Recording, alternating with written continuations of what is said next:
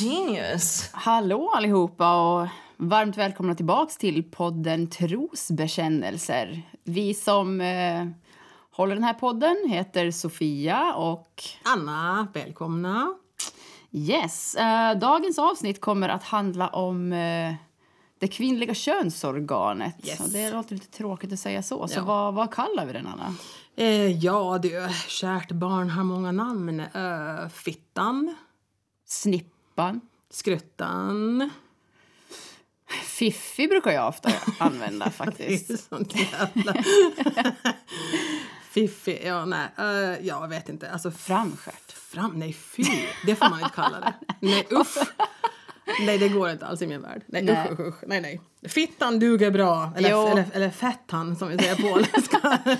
Fettan. Och sen, Fettan. Tyvärr så använder vi också många gånger fittan eller fettan som, som svärord. Och det, det, Usch, ja. ja, det är jag också ibland och det är inte alls så nice. Får vänja sig av Vi det. kvinnor borde definitivt sluta med det i alla fall. Ja, men jag tycker det. Jo, men, men som sagt, fiff, ja, det blir nog att jag säger fiffi. Jag kan tycka så att, alltså, att ändå att äga ordet fittan, Mm. mm, det, det gillar jag Det ändå. är mitt. Ja, Ja. Men, men ändå så, så funkar det inte riktigt i alla sammanhang. Så det blir Jag måste ju prata med min dotter också, då blir det ju snippan givetvis. Ja, ja, men snippan är ju ett sånt bra ord att prata Ja. med barn, tänker jag. Jo, jag tycker ju inte att det kanske riktigt sådär motsvarar mina förväntningar på ett bra namn på fittan. Men eftersom det så att säga är i skolor och på dagis så använder de sig av det namnet. Så tänker jag, fine.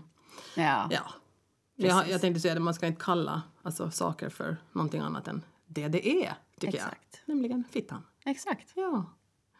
Bästa fittan. Yes. Ja, okej. Men hur ser fittan ut då, Sofia? Vad har vi, vad har vi mellan benen? Ja, alltså det här, det här är ju egentligen, alltså fittan är ju, det, den är ju, ja, hur ser den ut? Den Ja. är liksom, Det är ju svårt för oss att se tillika. ja, Eftersom vi har ju den inte utanpå, alltså som killar har det. Nej, så vi Den har hänger, inte, den hänger ju ut och de leker ju med den hej vilt. ja, vi har inte suttit och pillat på den på samma sätt. Nej, men, men, men jag tänker man har väl tittat på den, tittat på den med spegel och så. Ja. Eh, Och om man inte har det så gör ni det, tack. Ja, Ja. precis. Jo. Och om inte annat så har du ju nu för tiden så har vi alla våra smartphones. Vi har ju kameror. Du kan ju böja dig ner och ta en bild för guds skull. Ja, bekanta dig med din fitta. Ja. Det, det är bra. Exakt. Du måste ju veta vad du kräver av mannen sen när han är där då. Sitt jobb. Precis, men hur ser, alltså, för det första ser alla fittor otroligt olika ut. Absolut. Förstås, som våra ansikten, alla ser Ja. olika ut. Och de ska göra det. ja, Se olika ut. exakt. Så är det ju. Ehm, och sen har man liksom fittan på utsidan och fittan på Insidan. insidan. Ja. Exakt. Och den är ju väldigt komplex ändå. Jo, och gud, jätte, ja. jätteintressant. Vilket maskineri vi har egentligen. Va? Ja, jag tänker det kommer vi att prata en del om nu då eh, i, den här, i det här avsnittet om just komplexiteten kring Mm. eh, fittans inre. Nej, för yttre, inre och yttre. Som, Ja. Mm, Och det är som så att säga andra ämnen som är relaterade till precis. fittan. Ja, Men fittan består ju i stort sett i alla fall av våra yttre och inre blygdläppar. Det är det man ser. Och sen har du ju då givetvis så att säga slidingången. Det är ju det som man så att säga ser på exakt. oss. Eh, sen har vi ju då den här eh, mytomspunna klitoris. Exakt. som ju då så att säga sitter precis där de inre blygdläpparna möts på toppen liksom. Ifall det är någon som inte har hittat den ännu. Så det är där den finns. Precis. Och är som en liten, eh, Knopp. ja, en liten ärta eller vad ska man säga. Ja. Också varierar förstås. Storleksmässigt, Ja, allting. individuellt och sen förstås hur, eh, hur eh, upphetsad man är. Ja, exakt. Så För den blir större då. Mhm. yes. Lättare att hitta. Ja, när vi får stånd helt enkelt. Ja. Sen det roliga med klitoris är ju också ehm, att den är ju, det är ju dels den lilla, lilla, lilla knoppen då som, som man ofta pratar om eh, som, som syns egentligen. Och sen så har den som en liten kappa av hud ovanför sig. Men sen Exakt, så är ju klitorisen egentligen väldigt, väldigt stor så den liksom går som i två, den förgrenar sig. ehm, Inuti, alltså inåt, inåt oss. Precis, och liksom längs, längs eh, blygdläpparna, vad ska man säga. Mm, men Så också när- inuti. Va? Den förgrenar sig ju ändå, ändå så att säga, även in, alltså, in Ja. mot oss. Precis. Vad man. Ehm, så man har ju ändå, alltså, det har, man har ju sett på några tv-program eller något, de pratar just om, om så här klitoris och så, så visar man en bild. Så, ja, men var sitter klitoris? Hur ser den ut? Så det, det finns inte så många som, som vet det egentligen. Nej, alltså, man ser åtminstone att det är, det är egentligen klitorishuvudet du ser på Ja. bilderna i sådana fall. Du ser inte så att säga, det som går inåt och det finns mycket härligheter som går inuti vår kropp och liksom omsluter vårt bäcken med muskulaturer och allt möjligt. Precis. Det är därför som våra, ja. våra orgasmer sägs ju att de är ju ganska mycket mera starkare än männens just för att vi har klitoris som så att säga försvinner och omsluter hela bäckenet. Alltså, jag, kan, jag, jag är benägen att tro på dem. Det. en massa, massa nerver. Ja, men precis. precis. Mm. Ja, just det, de nerverna. Ja. Det var ju det också som jag hörde, vad heter det nu, i en annan podd faktiskt, där de diskuterar klitoris. Att eh, vad heter det, i lilla, lilla klitoris så finns lika mycket eh, nerver som ett ollon har. Ja, Ja, så på det är liksom, klitoris är 50 gånger känsligare än ett ollon. Bara så ni vet det, ni precis. manliga män. Att ni är försiktiga. Ja, men verkligen. Ja, men det är också otroligt spännande eh, om, om vi eh, pratar om det just, alltså stimulansen av klitoris Ja. eh, är ju, alltså, Väldigt viktigt. ja, och, och också inte helt enkel, tänker jag. Nej. Eh, alltså, dels så är den ju som sagt otroligt, otroligt känslig. Så, och, och när man stimulerar den så behöver man vara ganska försiktig. Men tillika försiktig. Kanske inte försiktig. Det är också väldigt individuellt. Men där tänker jag att man får känna sig fram. Försikt, jag, tror att det har, alltså jag tror att man ska vara mer försiktig först. Ja. Sen när man kommer igång med stimulansen så tror jag att man kan så att säga, bli lite hårdhäntare beroende på så att säga, den här upphetsningsgraden, att den ökar ju. Exakt. Och då kan man nog vara lite mer hårdhänt, men tillika inte hårdhänt. Alltså, Nej. vet du, det är lite, jag tycker det, det, alltså, det är ändå ett väldigt fragilt område tycker jag. Det där, man måste vara väldigt försiktig. Ja, visst. Jag, menar, jag, jag tar inte tag i en kuk och biter tag i ollonet heller. Så jag menar, då ska ju karlarna kanske också vara lite försiktiga med klitoris. Lite sensitiv, ja. Ja. Men precis, och återigen då känna efter. Och, och så märker man ju så här, är det här någonting som är... Ja. Stönar hon nu eller rycker hon undan? Eller vad är det som Ja. riktigt händer? Trycker hon sig emot kanske? Jag tänker Ja. att det där... Man får behöver, ja, plus att om det är så att man inte så att säga, vill vänta på att se hur hon reagerar så kan du alltid fråga. Ja! Och det kan ju också, ja det är ju lite läskigt men det är jättebra att träna på det också tänker jag. Att Jo. ha en kommunikation i sängen. Ja, gud.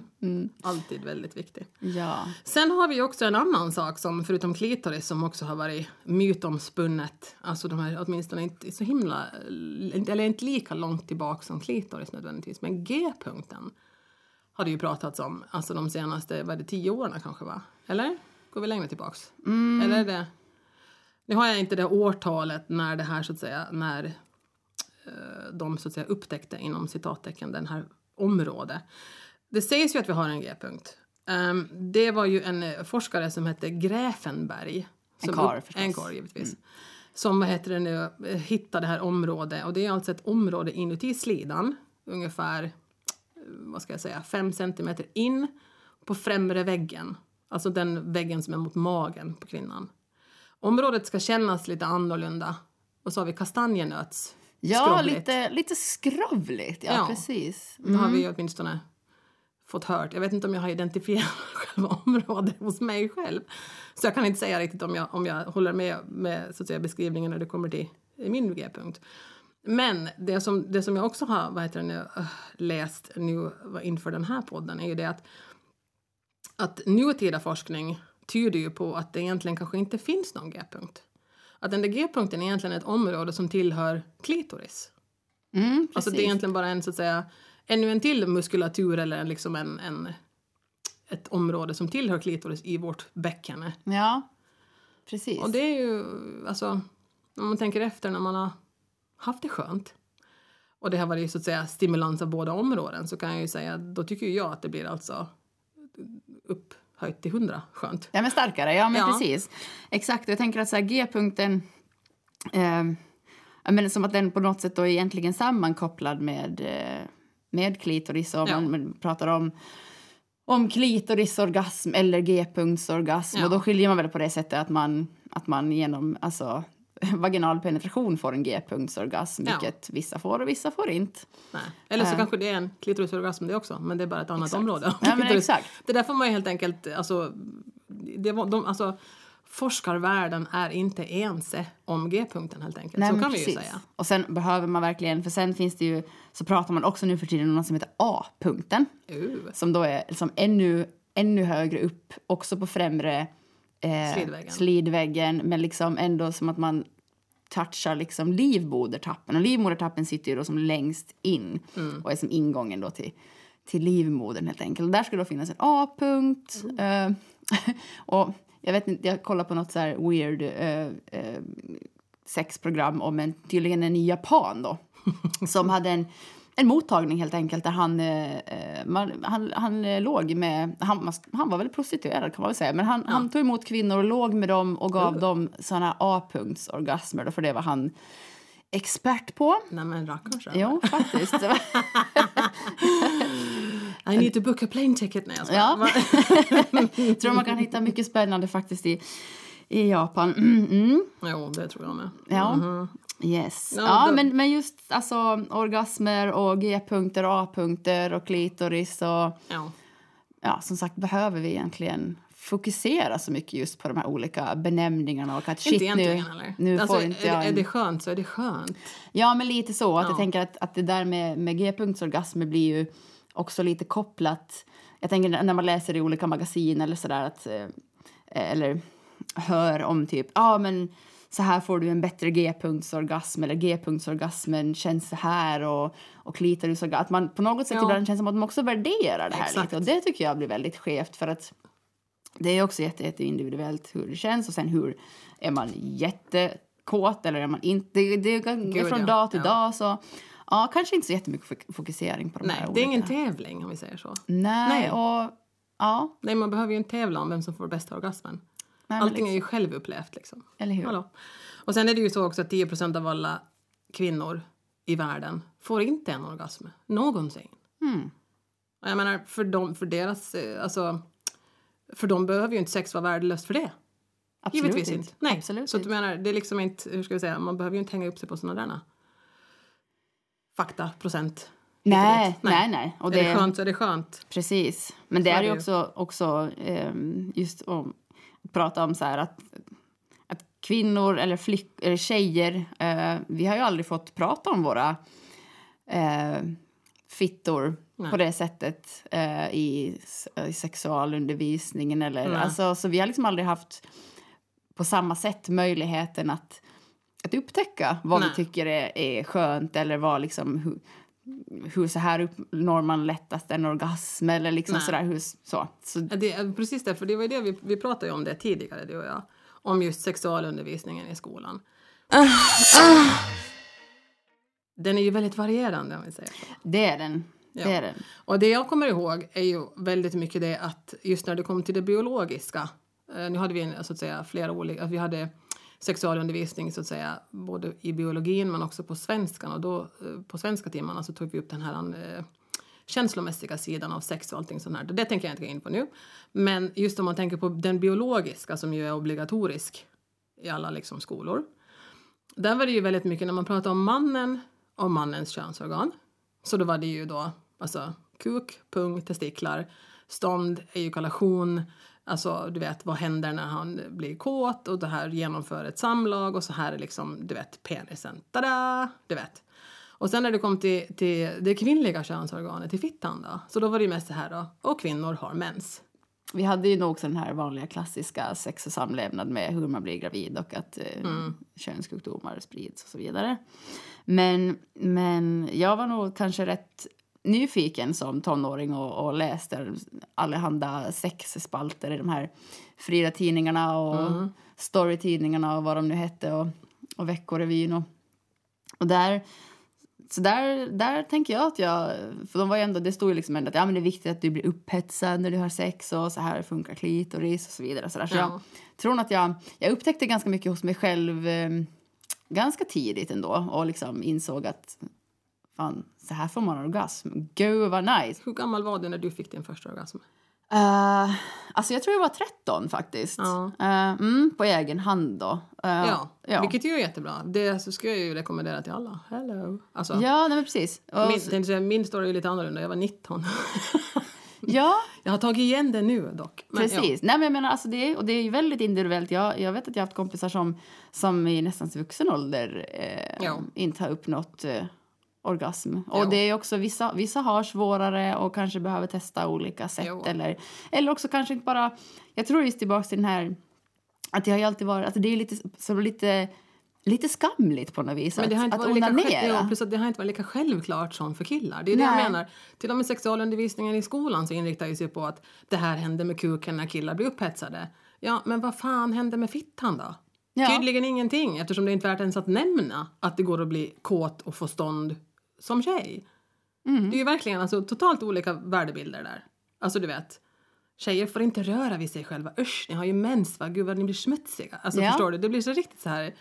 Ja, ja, ja. Skevt. Och, och visst, och liksom synen på, på, på kvinnan och kvinnans sexualitet, det går ju så sjukt långt tillbaka i tiden. Vad har vi de här, de här Goebbsen, liksom, antikens Grekland, Platon och Aristoteles pratar om att kvinnan är oren och står för det fysiska medan mannen står för förnuftet och kvinnan är en ofullständig man och lider av Freud menar den här penisavunden som vi går runt och har och Ja, herregud. och det liksom blir som ett kvinnoproblem. och, och att man pratar om att, att kvinnors könsorgan helt enkelt är en som en ofullständig eh, penis. Exakt. Och vad är det för bullkaka? Ja, men jag liksom? menar det. Det Va? var någon så här katolsk eh, snubbe, Thomas Afakinho, som menar att om, om en kvinna hoppar över ett för brett dike så trillar det ut en penis. Så det var bäst att vi inte, att vi inte var för fysiska och rörde för mycket på oss för då minsann trillade den ut. Ja, herregud, ja. Nej men precis, jag menar, det, här, det har liksom levt kvar genom alla tider och, och, och jag lyssnade på ett, eh, ett sexualupplysningsinslag eh, eh, inslag på 60-talet från ett svenskt där de satt och, och beskrev då sex mellan, mellan eh, tonåringar. Att, att, att dels så var klitoris då också egentligen en, en outvecklad penis.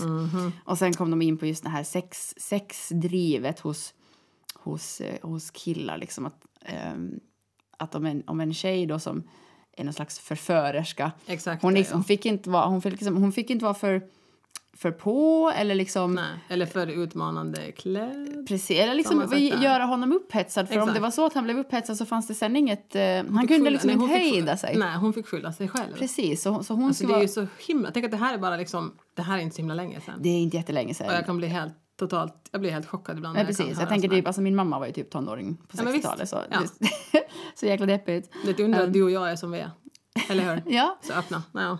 jo, nej, men det, och jag tror att det är som sagt eh, är väldigt individuellt hur, just hur, hur nyfiken man har varit på sin egen sexualitet. Jo. Nu finns det ju då tillika, om man tänker på de som är yngre nu, så nu finns det ju ett överdåd tyvärr av för mycket. Att liksom att, som vi diskuterade i första podden, att det här med porr, det är ju också en lite konstig bild av liksom sexualitet. Ja. Och det här egna könet. Jag menar, nu är det ju egentligen så, alltså om man frågar en gynekolog idag om det här med att raka, alltså bort allt hår, som ju är väldigt populärt idag. Att det ska man ju inte liksom, alltså det är ju väldigt ohälsosamt för fittan egentligen eftersom den skyddar, alltså håret är ju där för att skydda själva liksom eh, hygienen för fittan. Mm. Och det är liksom, man jobbar lite grann emot sig själv där då med att man så att säga porrrakar sin fitta då som vissa Ja. säger. Ja, jag har tänkt på det där med kropps, kroppsbehåringen. Alltså, eller håret är ju som du säger där av en funktion. Det är just för att stöta bort smuts och skydda. Ja. Ehm, och där tänker jag också så här. Jag var nog också, ja, jag säger alldeles för ung när jag blev påverkad av eh, killar att jag skulle raka mig. ja.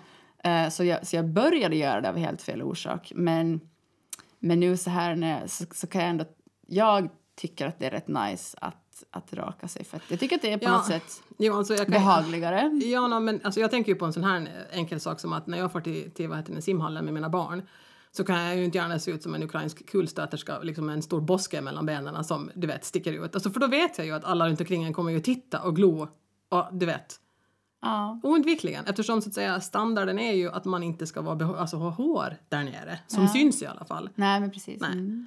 Så att därför så, jag menar, tänkte säga, helt slät jag inte kan jag meddela. Men ja visst, bikinilinjen. Ja, men precis. liksom, ja. Nej, sen tycker jag så här, jag testar någon gång så här, ja men nu kör jag så här helt, jag bara gud jag ser ut som ett barn.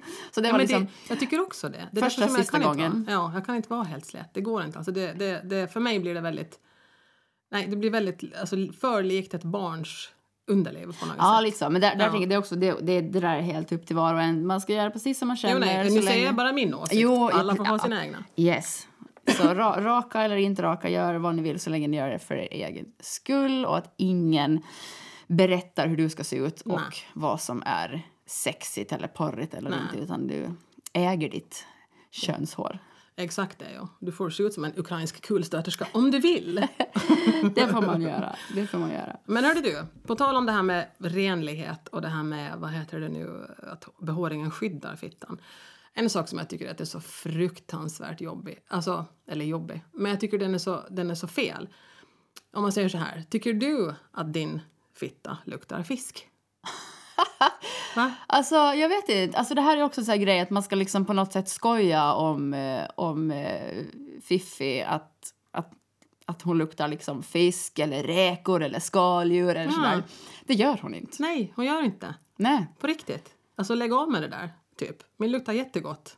Mhm. Den luktar fitta och Exakt. den varierar i lukt var, beroende på var du är i menscykeln. Och, Ja, plus att jag menar, alltså, även så att säga killars eh, kukar luktar ju. Jag menar herregud.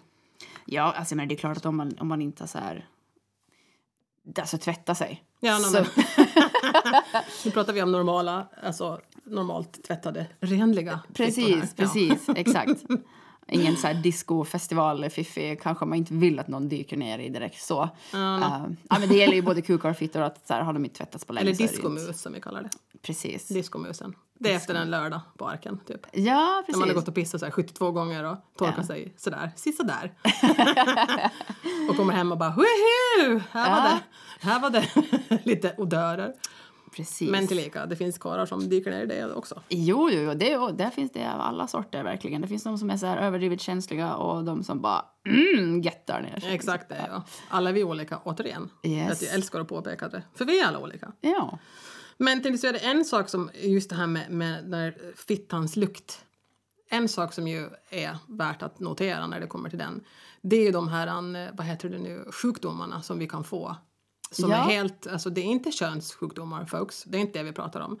Utan vi pratar om när vi helt enkelt, vår pH-balans, eh, vad heter det nu, blir störd i våra underliv. Vi är ju så mycket mer känsligare än kukar eftersom vi har ju allting inuti kroppen och mycket mer slemhinnor än vad killar har på sina, eller i sina könsorgan. Där har vi ju några stycken som, åtminstone jag har ju blivit förbannad med att du vet, återigen få återuppleva det här roliga med att du vet, upptäcka att man har till exempel svamp. För det är ju sånt som kliar något alltså, ofantligt. Vansinnigt. Man vill typ ta en Rotborste. jävla rotborste. Och Exakt. klia sig mellan benen. Ja.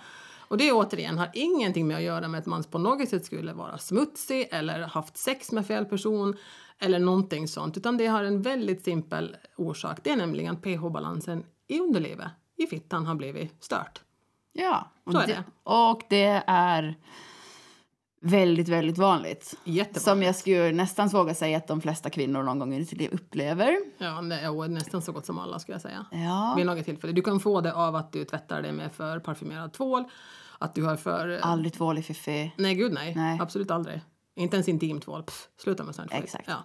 Men, och sen så har eh, till exempel underkläder som stänger in mycket. Alltså man säger ju det att du, ska, du får jättegärna lufta fittan jättemycket. Till exempel sova utan trosor på nätterna. Mm. Det gäller också den här, den här andra, bakteriell vaginos. Bakteriell vaginos, ja den, den är spännande. det, Den är alltså, lajbans den ja. alltså, ja. det, det är så jäkla viktigt att prata om för att eh, det har, har jag erfarat och första Mm. gången jag fick det så var jag tack och lov i ganska vuxen ålder sådär.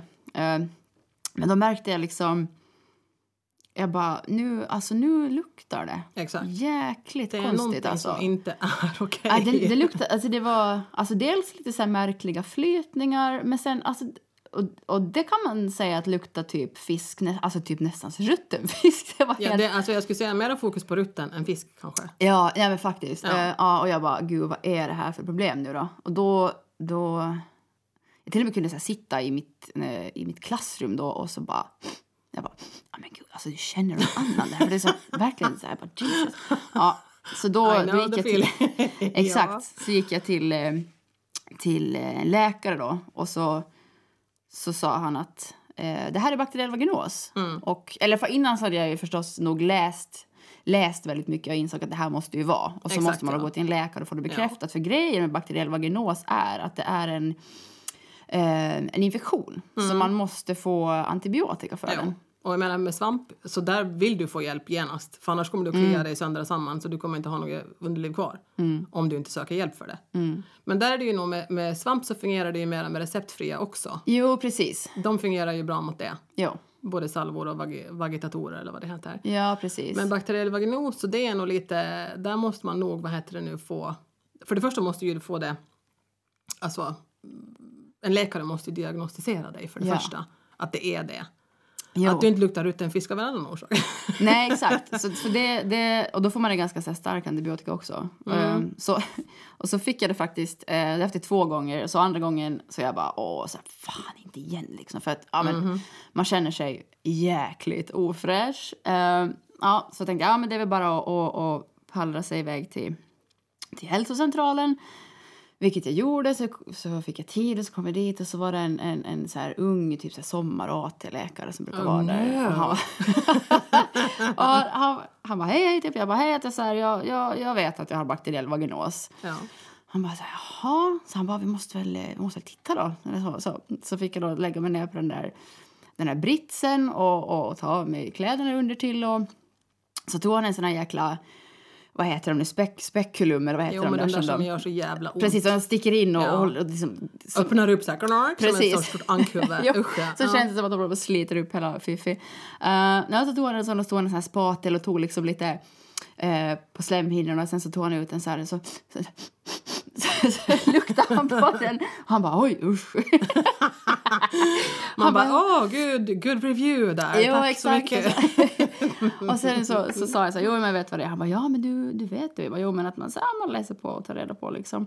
Och sen så fick jag min medicin igen då. Och sen så gick det ett litet tag och så var jag på, på Arken och så träffade jag en, en kompis där.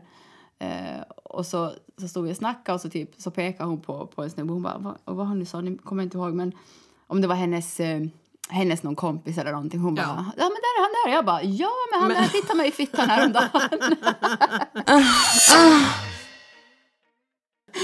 Jag tänkte säga att bo på en ö i ett Exakt. nötskal. Ja, ja Exakt. herregud. Ja, nej, Ja. nej. Men så allting som, så att säga, om vi säger så här, allting som luktar konstigt ser konstigt ut när det kommer till flyttningar och så vidare. Så där är det ju alltid bäst att ta, alltså, gå till hälsocentralen och få det kollat, gå och förfara och inte omkring med någonting som luktar konstigt i ett underliv utan Nej. att liksom söka läkarhjälp för det. Precis. För det kan ju vara klamydia och det kan vara... Alltså, du Mm. vet, det är sånt som man ska ju inte gå med någon form av sjukdom eller liksom pH-obalans Nej, för länge i underlivet oavsett. Nej, nej, Nej, man måste sköta om fittan också.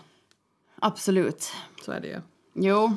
Men som sagt var, de där är ju inte så roliga. Nej, de är ju verkligen inte. Absolut inte. Men vad var det jag tänkte säga? Jag tänkte också på sån här som... Nu har ju du inga barn. Ännu. Nej. Nej. Jag har två. Ehm, mina barn blev ju födda genom uh, kejsarsnitt. Så att eh, jag har inte fött vaginalt. Som ju alla säger att det är den naturliga vägen inom citattecken. Jag beundrar sådana som har gått igenom det. Mina var akutsnitt det första snittet, sen blev det planerat det andra eftersom det första var akut. Så att jag har inte riktigt kunnat påverka själv hur jag har fött mina barn. Utan det blev som det blev. Men det som jag ändå liksom har ju hört bland vänner, bekanta och kompisar är ju det att det är ju ganska, hur ska jag säga, eller kan man säga hälften ungefär kanske av alla som föder barn vaginalt så får ju någon form av alltså, skador på underlivet. Det kan ju variera från, du vet, måste sy ett stygn till att bli riktigt stora skador. Ja, precis. Jag tänker på att det liksom, du vet, men att det, oftast får man ju, det är väldigt få som föder naturligt och det inte syns någonting. Men jag vill gärna koppla tillbaka lite till det här med återigen till, till, till njutning. För jag tänker att det är ju ändå det som, som är det bästa. Med vår Med, fitta. exakt. Att få, att, eh, få ha sex och eh, få orgasmer. Exakt. Ja. Och visste du det att klitoris enda uppgift i livet är att ge oss njutning? Yay! Eh, det har jag faktiskt inte sett på det på det sättet, men det Nej. känns ju ganska rimligt. Ja. Eller så. Ja, eller hur? Den har ju ingen annan funktion Nej, än att bara vara där och ha skönt. exakt. Just det, jo. Ja, för att jag menar det är ju, alltså, om vi säger så här, alltså, det finns ju killar där ute, inga namn nämnda, eh, som ju, vad heter det nu, gör fel. För det första så har de ju väldigt svårt att hitta klitoris. Och återigen, som vi sa i början, klitoris finns vid de inre blygdlä- blygdläpparna där de möts. Där hittar du den. Ganska Ja. enkelt. Yes. Ja, de, de, de, flesta snubbar tänker jag ändå ja, hittar den. Sen är det lite... Men det, är- jag, jag, lite så, så tar jag lite eh, snubbarna i försvar eftersom att vi alla är så himla, himla olika. Mm. Och det kan verkligen vara från dag till dag. Så jag är lite förlåtande mot att det kanske inte alltid blir jättebra. Det är ju så, ja, men har man ett one night stand så, Ja. så kan det vara så här, är kanske inte Men skyhöga. precis, och inte heller, då kanske man inte heller är så jätte, jättetaggad på att liksom, ja, men ha den här kommunikationen. Så. Men eh, det är nice när man har en partner då, som man kan upptäcka, upptäcka med. Men, men det är också just väldigt individuellt och sen också hur... Jag tänker att för oss kvinnor så känns det som att det är väldigt mycket kopplat alltså, eh, psykiskt. Ehm, eh, att bli liksom kåt och upphetsad. Så här, Mm. Ja. Tänker man på vad som är ruttet i kylskåpet om man har varit ute med hunden. Och Eller jag måste behöver... handla, jag måste skriva en handlarlista, jag måste Exakt. handla, jag måste tvätta toan, jag måste... Nej. Då har, Precis. jag, då har jag inte tid eller lust eller ork. Nej men exakt, och det, det känns som att det är faktiskt ganska vanligt, jag kommer på mig själv ibland, men varför tänker jag på eh, att jag behöver dammsuga? Alltså Nej. va, på riktigt. Det, det är så sjukt. Men mm, exakt. Så att vara i stunden, det är också en, en, en utmaning förstås. Eh, men Anna, vad, vad, skulle, vad, vad är ditt bästa tips då liksom? Mm. För att få det skönt. eh. Ja, Ehm, ja, alltså där är det ju givetvis klitorisstimulans. Alltså det, det, det är ju det för majoriteten av kvinnor. Det har vi ju konstaterat. precis. Ja, vad heter det nu? Där behöver ju också killarna veta, till exempel, eller för oss själva, vi vet ju vad vi tycker att det är skönt, men att vara inte för hårdhänta. Snälla, på riktigt. Alltså, du vet, det är ingen boxningsmatch du ska ha med Ja. din klitoris, utan du ska faktiskt... eh, Det, ska, det, det måste vara relativt försiktigt i början. För mig är det så i alla fall. Precis. Sen gör det ingenting om det är så att man kan hjälpa till med att stimulera just G-punkten eh, vad heter det, samtidigt som klitoris får stimulans. Det är ju liksom ganska sådär, det väcker ju ganska mycket känslor över hela Ja. bäckenet och röven och ner i benen och Exakt. Ja. Ja. Och där tänker jag med, med det är intressant det du säger. Det är som med klitoris, så är det så här, var, liksom, var lite försiktig Mm. och kanske lite mer hård eh, om, om, man, om man vill det. Och om, så. Eh, men sen med G-punkten där tycker jag där Eh. behöver man inte vara riktigt försiktig. Nej. Nej, det är det som är Nej. lite spännande sen att, att, att som du sa tidigare så sitter ju G-punkten eh, några centimeter upp på, eh, på, på främre väggen och det funkar liksom inte bara så in och ut med två, med, med två fingrar så här rakt utan så upp med fingrarna, lite, böj dem lite och gör den här lockande rörelsen och där kan man faktiskt vara ganska, alltså nästan brutal skulle jag kunna Ja. säga. Inte liksom att du så här, du Gör någon illa. nej men exakt. Men det, den Men- skillnaden måste ju alla kunna veta. Precis, så ja. där får man faktiskt, eh, eh, där får man ta i lite. Och, Jo, samma ja. sak är det ju med också när man faktiskt har sex. Där, just i i den så att säga, vad heter det nu, akten, så där behöver man ju, tycker jag, inte vara sådär jätteförsiktig heller. Nej. Nej. För på det sättet så är Fifi eh, Hon är tålig. väldigt tålig. Det ska liksom ut en, en bebis där, så, så hon, är, mm, hon är tålig alltså. Hon är byggd för sådana saker. Så det, ja, det, det, det, här låter ju jättesnårigt nu. Liksom. Jag ska försiktigt Ja, där, försiktigt hård där, där, där hård och känn där, ja. efter, var lyhörd. Så sorry guys, jag fattar att det här, men, men så, så är det. Vi är Mm. så är komplexa. Och, ehm, Sen det- beror det också givetvis på var man är i menstruationscykeln. Exakt. Alltså det kan göra fruktansvärt ont vid samlag ifall det är så att man har just, är det så för dig också när man just har fått mens? När det känns som att hela underlivet är blodfyllt och förstorat och ömt. Ja. Då är det ju inte heller så jätteskojigt att du vet ha ett sånt här rough sex. Nej, nej Alltså, men precis. För då, då liksom alltså, var livmodertappen sitter är också eh, olika var man är i menscykeln. Så, Mm. Ja, så, så man där, för att göra allting lite mer komplicerat. Exakt. Så, mm, så ja, men där är det ju såklart då upp till, det till oss att säga. Det, nej, och det är inte så jättemånga killar eller tjejer som kanske vill ha sex så mycket när man har mens heller. Ja, det, Ja. det, det tror jag är olika också. Alltså, jag är ju Det av någon anledning det så här, dagarna innan mens. Du blir blodfylld överallt säger. Yes! Nej, men jag, jag kan nog faktiskt känna lust när jag har mens. Uh, och de första dagarna är väl inte så himla nice kanske. För då är det ju bara lite, det är lite nasty liksom. Men, men Mm. Ja. annars så, det tror jag är ganska vanligt också att man är... Jag, har ju, jag, jag hade ju, säger jag nu, min ägglossning för jag faktiskt har spiral nu sen några månader tillbaks. Ah, Men ju förut när jag inte använde något preventivmedel så då märkte jag ju alltså på riktigt när jag hade ägglossning. Alltså det var som att det kom en liten sån här djävul upp i mitt huvud och bara... Ahaha. yes. Ja. Ja, och det, och det, och det, och det är ju alltså, vad ska vi säga, fortplantningscykeln. Då, Ja, då, är, är ju då är så vi fertila och då, Ja. då är det dags. Och, och Då där, har vi den där reptilhjärnan igen. Exakt, och där, eh, där så, så så utstrålar man ju också någon slags hormoner som att liksom, snubbarna kan ju sniffa sig fram till det där också. Ja, det verkar så. Här är vi nu fertil. Och det här känns som att man återigen ska kunna prata om hur mycket som helst. Men vi kommer ju också att, att återkomma på olika sätt i framtida avsnitt. Men har ni, ni får jättegärna skicka in eh, frågor om ni har. Eh, eller också tips på... Ämnen som vi ska prata om. Ja. Det vill vi jättegärna ha. Så du får jättegärna mejla in till oss på mejladressen trosbekännelser alandsradio.ax Och vi läser varenda ett mejl. Yes. Ja, och... ehm, Och det var allt från oss. ja, För det här och avsnittet. kom ihåg att ta hand om varandra, var lyhörda och gör ingenting som du inte vill göra. Exakt. Puss och kram på Puss er. och kram!